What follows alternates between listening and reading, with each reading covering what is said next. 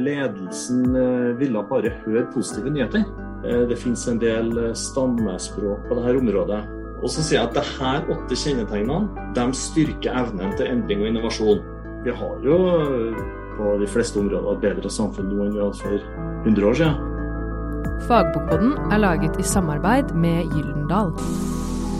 Ny fagbokpod på gang, og denne gangen så skal det handle om intet mindre. Spiss ører alle ledere og ansatte. Drømmeorganisasjonen. Åtte ting ledere bør vite om endring og innovasjon. Og mannen bak boken heter Oskar Amundsen, er professor i organisasjonsforskning ved NTNU, og har skrevet en rekke bøker og vitenskapelige artikler, så dette er ikke nytt for han. Men Oskar, hva var det som gjorde at du tenkte at nå har jeg såpass mye på hjertet at nå må jeg skrive en uh, bok uh, til. Hva er det du ville bringe til torgs nå? Nei, Det som jeg vil nå, det er at altså Jeg har jo holdt på med dette temaet i mange år, som du sier. Og det som jeg vil, det er Jeg har lyst til å bidra til bedre organisasjoner, som jo er mitt felt, da. Organisasjonsforskninga. Bedre arbeidsplasser, bedre organisasjon, bedre arbeidsliv. og jeg vil at målet mitt har vært at leseren skal se liksom tydeligere hva uh, som vil hjelpe da, for å få til det her, for å få til forbedring. Det er liksom det å få, få lyst til å bidra da, til å utvikle arbeidsplassen sin, uh, uansett om du er leder eller medarbeider. Uh, eventuelt om du er student som er på vei ut av arbeidslivet. Om du er en som skal hjelpe en virksomhet til, til å forbedre seg. Så, så, det er det. Jeg vil at Og så har jeg en sånn annen sak som jeg er opptatt av, da, og det jeg vil gjøre fagområdet mitt mer tilgjengelig. da. Ja, Du får jo skryt. Du blir jo rost for å eh, skrive lett og forståelig, om at man nærmest bare kan danse seg gjennom teksten din.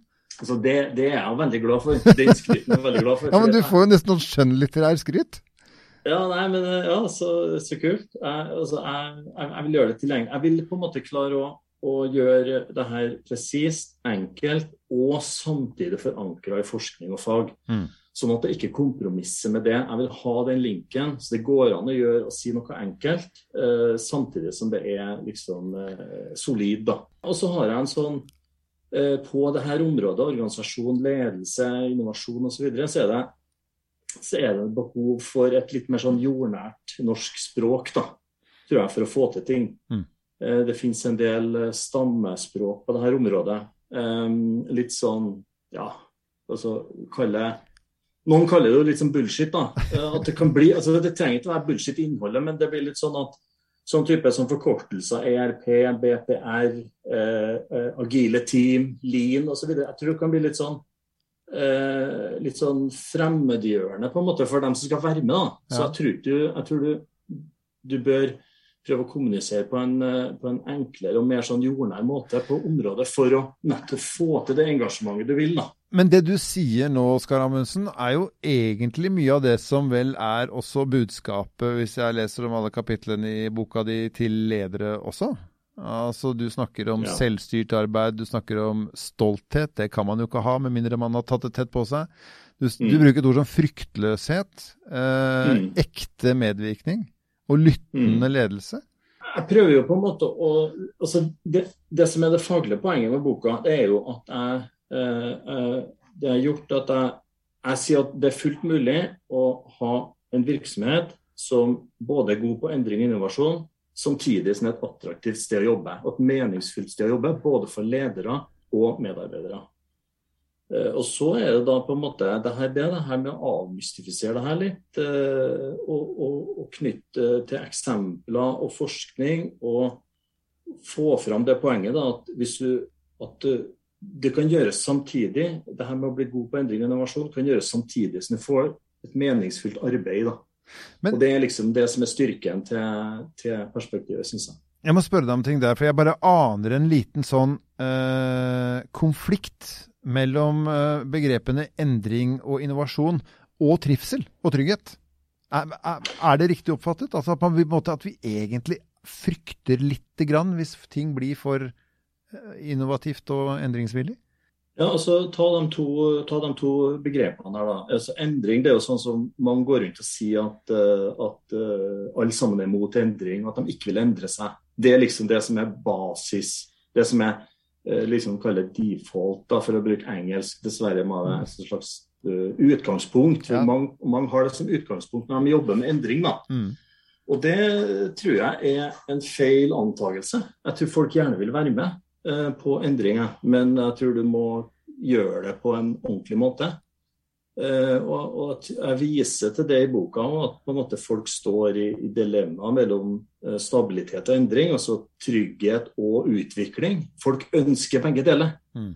Det er ikke sånn at folk bare eh, vil ha det akkurat sånn som det var uh, i fortsettelsen. Så det, det er liksom noe med det. Jeg tror at det, det, det, det er liksom selve utgangspunktet for uh, Og det gjør at liksom den antagelsen og oss Det er litt det samme med innovasjonsbegrepet. For der er det litt sånn at det blir så stort, og det blir eh, liksom så det blir teknologi, og det blir liksom så Men det går an å ta ned, da. Og Mm. si at det her handler om å få til nye ting utvikle sin egen praksis og, og, og, og ta det derfra. Så Det er liksom, liksom prosjektet, det òg, da. Ja, for det handler jo også om å ta historien videre. For snur vi oss og ser bakover, så er jo de fleste av oss enige om at vi har endret veldig mye. Og at vi er Ja. smartere og, bedre nå, og, og får det til eh, mer effektivt og på en eh, mindre smertefull måte. Så, så jeg vet ikke, har vi vanskeligheter for å se framover med det samme blikket eller det samme resonnementet som vi ser bakover med? Ja, altså Det er jo litt sånn at uh, dem som fer rundt og påstår at ingen vil endring, og at alle er så vrang og ikke vil, og sånt, de, de kan jo bare se bakover, som du sier. Uh, vi har jo eh, på de fleste områder et bedre samfunn nå enn vi hadde for 100 år siden. Ja, Og, så det er liksom, det er noe der som skurrer da, når man sier at folk er så vrang. Det handler kanskje mye om hvordan man, eh, hvordan man på en måte jobber Ja. med endring. da. Og ikke minst det her med hvordan man fortolker motstand. da. Så når folk yter motstand, så er det jo ofte misforståelse ute og går. Uh, Istedenfor å gå bak og se på grunnene til at folk yter eh, motstand, så antar man bare at folk er så vrang. Og Mm. dermed så liksom lukker man ørene da, og sier at nå må de bare få hyle seg ferdig, mm. så vi kan gå videre etterpå. Når sorgen er over, liksom, og de skjønner at det her blir.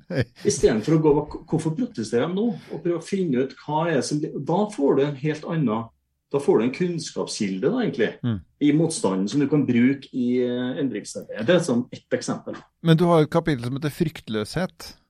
Ja. Hva, hva er fryktløshet i denne, i denne sammenhengen? Ja, altså det, er jo, det er jo et eh, eh, Det har kommet en, eh, en stor og viktig greie på området de siste årene, eh, som går på det her med psykologisk trygghet og betydninga av det for å, for å på en måte det å ha trygghet i eh, settingen du er i, så gjør at du fungerer mye bedre da, i forhold til eh, å ja, dele kunnskap, eh, de, stille spørsmål ved det du gjør, eh, dele feil. Altså uten frykt for å bli type latterliggjort, ydmyka, eh, ignorert eller andre konsekvenser. Altså, utgangspunktet for det med psykologisk trygghet, det, det er liksom at du, at du er, et, er, er ikke er redd for konsekvensene da, ved å si det du mener og delta. og på en måte, altså Eksempelet jeg bruker i boka, er jo hun eh, Marit Breivik. Hun håndballtreneren. da, Mm, hun, um, hun tok jo på en måte kvinnelandslaget fra å være god til å bli veldig god. Så de gikk helt det siste steget helt opp til toppen. da. Og det hun sier da i ettertid nå, at det hun jobba med uh, Hun kalte ikke psykologisk trygghet, for det liksom ikke det den gangen, men egentlig akkurat samme. Ja. Altså, hun, hun, hun jobba over år med å skape en trygghet i spillergruppa for at folk skulle bidra med meningene sine og kunne være uenige med den store treneren sin. Eh, Før var de jo vant til at treneren sa hva de skulle gjøre, Mm. men hun ville at de skulle delta med sin kunnskap og sin erfaring fra banen.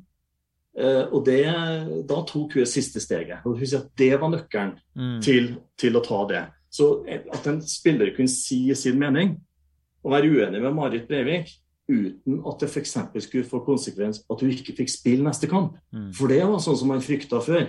Så den fryktløse deltar da eh, med, med seg sjøl og sin kunnskap og sin erfaring og sin Kall det dumme spørsmål. Nå lager jeg sånn hermetegn, da. Stole, Så, ja. sto, ja, men klarer å stole på, på en måte, eh, den konstruktiviteten som alle ønsker, på en måte, blir tatt blir tatt riktig, og, at det, og det å feile kanskje eh, også blir sett på som et godt forsøk? Altså på en måte at det også er Ja, altså, hvis det ikke er toleranse for å feile, da, det går jo litt over i det punktet om toleranse, det, så får du jo den her at feil skjules.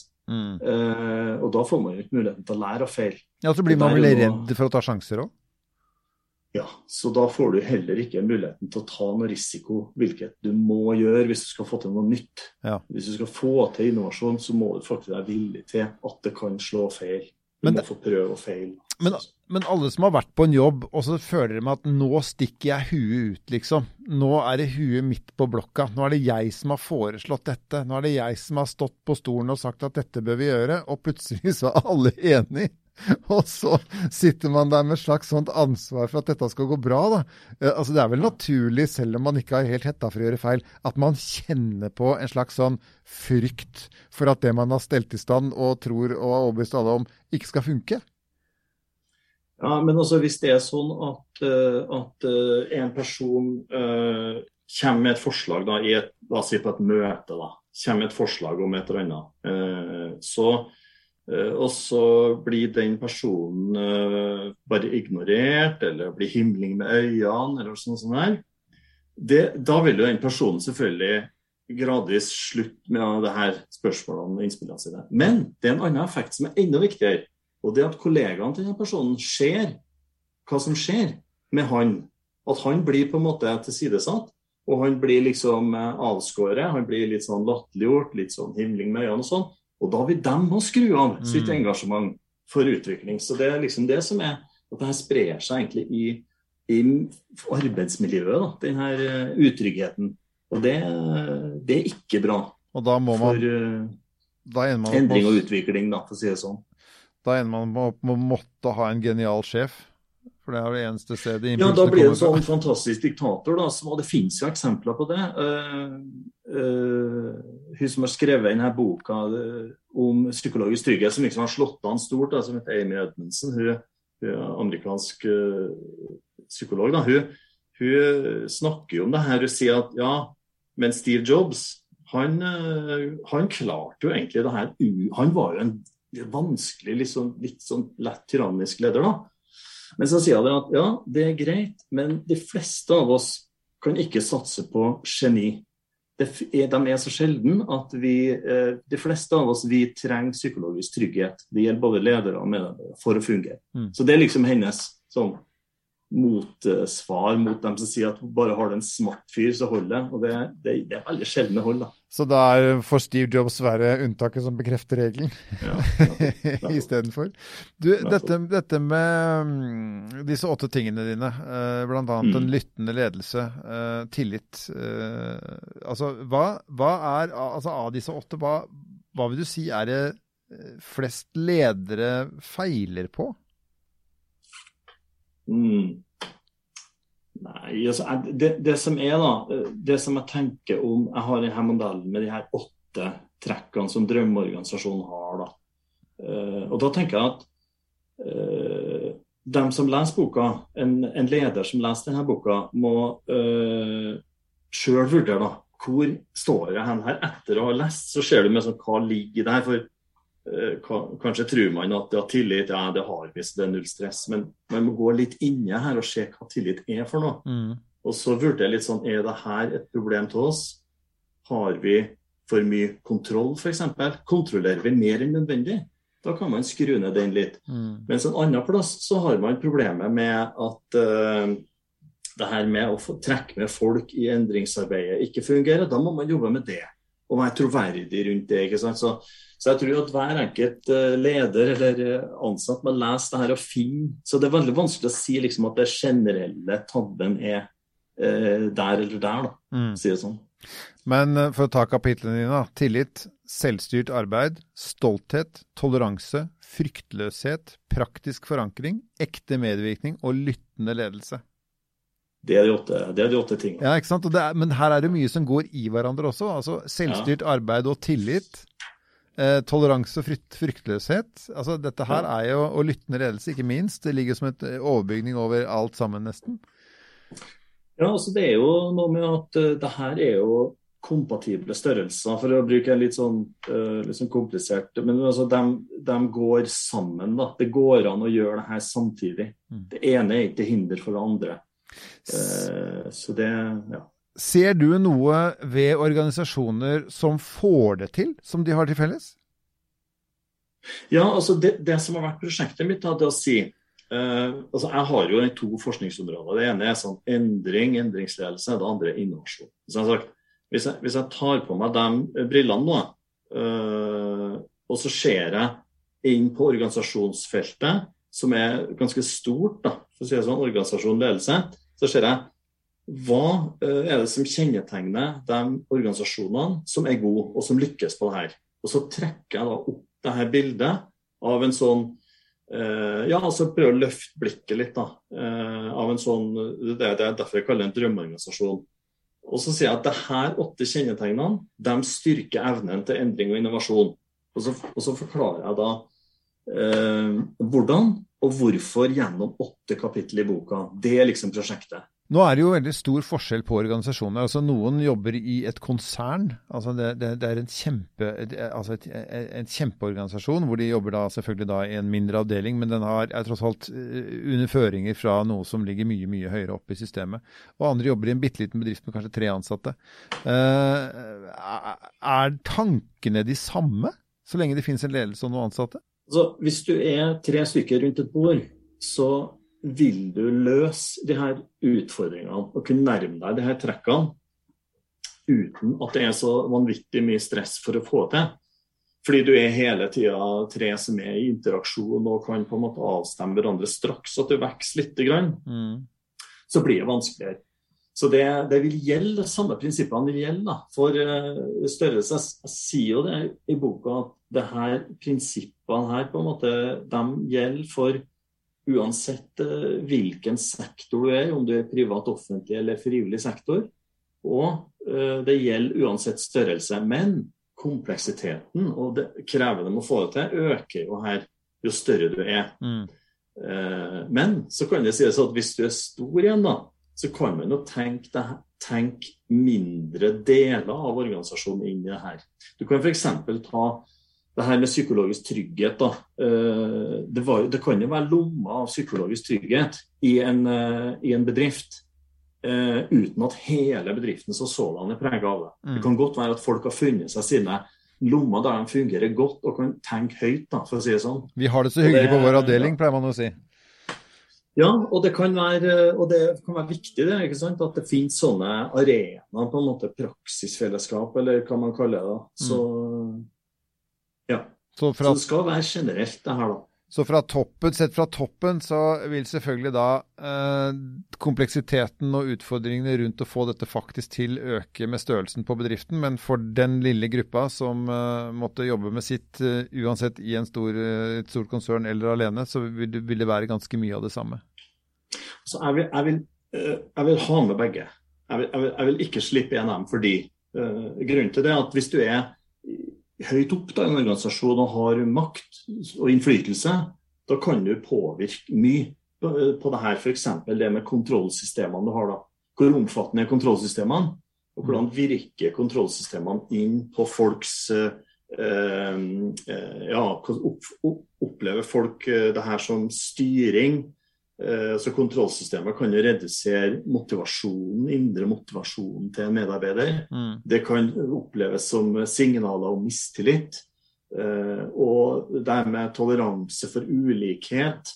Jeg skriver om Nokia f.eks., som er et case da, som på en måte ikke klarte å, å, å, se at de trengte innspill fra mange typer grupper. Så ingeniørene ble gradvis mindre og mindre viktig i strategiutviklinga til Nokia og som førte til at de fikk trøbbel teknologisk og klarte ikke den overgangen. Så jeg vil ha med toppen, jeg vil ha med mellomleddene og jeg vil ha med de praksisfellesskapene eller gruppene her. Bare for å ta... Så jeg gir meg ikke på det. Nei, bare for å ta, ta det Nokia-eksempelet ditt eh, for eventuelle som ikke har måttet få det med seg. Men Nokia var altså verdens største produsent på mobiltelefoner. De mm. kjørte et løp uh, som handlet om at mobiltelefonene skulle være så små og hendige som overhodet mulig. Og så kom smarttelefonen, svære plater, og tok rett og slett innersvingen på hele selskapet. Ja.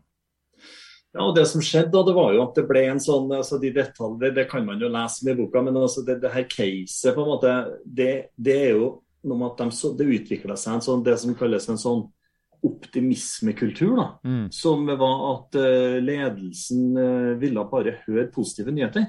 Vi er på rett spor. Sånn, ja, rett spor. Og så utvikla seg som mellomsjikt av uh, liksom konsulenter og økonomifolk som snakka stort sett med ledelse og snakka om gode nyheter. Og, og, de skjønte at du må si noe positivt hvis du skal stige i hierarkiet også, da. Mm.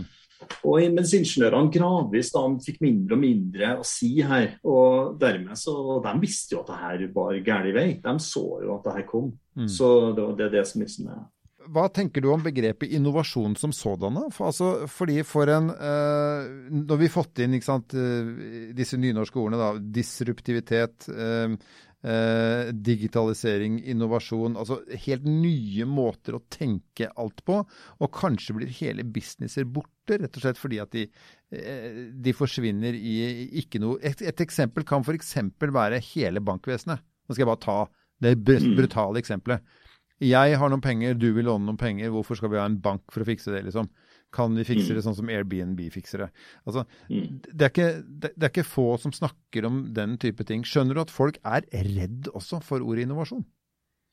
Ja, jeg skjønner jo det. Men eh, det er litt av prosjektet der å, å få det her, ta det her litt ned. Da, og si at eh, innovasjon det handler om brudd i en etablert praksis. Det er det det handler om. Det er det bruddet, det å søke det bruddet, som egentlig skiller fra endringsbegrepet, som kan gå litt mer sånn kontinuerlig, eller være en slags intensjonell endring der en leder eller noen ønsker organisasjonen en viss retning. Mm. Mens innovasjon handler om å oppsøke de her bruddene og ta, uh, på en måte, ta noe risiko der. Da. Og så vil ikke jeg gå egentlig veldig inn i begrepsdiskusjonen i denne boka. Jeg har gjort det i andre sammenhenger, men jeg jeg syns at uh, mange uh, sånn fagbøker de blir altfor opptatt av å diskutere bare begreper i seg sjøl og holde på med det. Det er vi akademikere egentlig veldig glad i. Men jeg er litt sånn opptatt av at uh, det blir litt sånn Jeg er opptatt av at det skal være en at mottakeren skal se at det er noe hensikt da, med de her tingene som jeg kommer med. Så, mm. så begrepsdiskusjoner i seg sjøl, det, det, styrer jeg litt unna rett og slett i boka her. Du har jo også et kapittel som heter En av dine åtte er jo praktisk forankring, så det er kanskje det du snakker om nå også? For din egen del? Ja, altså på, på praktisk forankring så har jeg det eh, altså Eksempler på det da, det kan jo være Jeg skriver litt om et eh, Jeg har flere eksempler inni boka, men um, jeg skriver om et callsenter da, som driver med sånn selvforsikring. Og de de, eh, og Der vil da eh, ledelsen vil øke effektiviteten. Så de innfører et system eh, der de premierer og et bonussystem, de premierer antall samtaler du klarer å gjennomføre. Mm. Og så gjør de det. og så Det som skjer, er at uh, først så går uh, intensiteten opp og effektiviteten opp, men så daler den etterpå. Og, og Grunnen til det, da, det er at, um, det er at uh, det som har foregått i denne callsenter-miljøet, det er at de nykommerne som har kommet inn, de har blitt lært opp av de, senere, de gode selgerne. Mens etter dette systemet kom, så har selgerne kun konsentrert seg om å svare på denne telefonene og gjøre sine salg. Så de har droppa denne uformelle på en måte opplæringa og mentoringa av nye. Mm, mm. Og dermed så har du på en måte ikke fått ettervekst. Og dermed så, mist, så går turnoveren opp da, i virksomheten, og så går produktiviteten ned etter på sikt. da. Så det er et eksempel på sånn at hvis de hadde forankra det der eh, systemet sitt i praksis, da, altså praktisk sett praktisk på hva er det som foregår her, så hadde de jo ikke gjort det der. Nei. Så det var en uintendert på en måte konsekvens. da. Du hørte Fagbokpodden, som er laget i samarbeid med Gyldendal.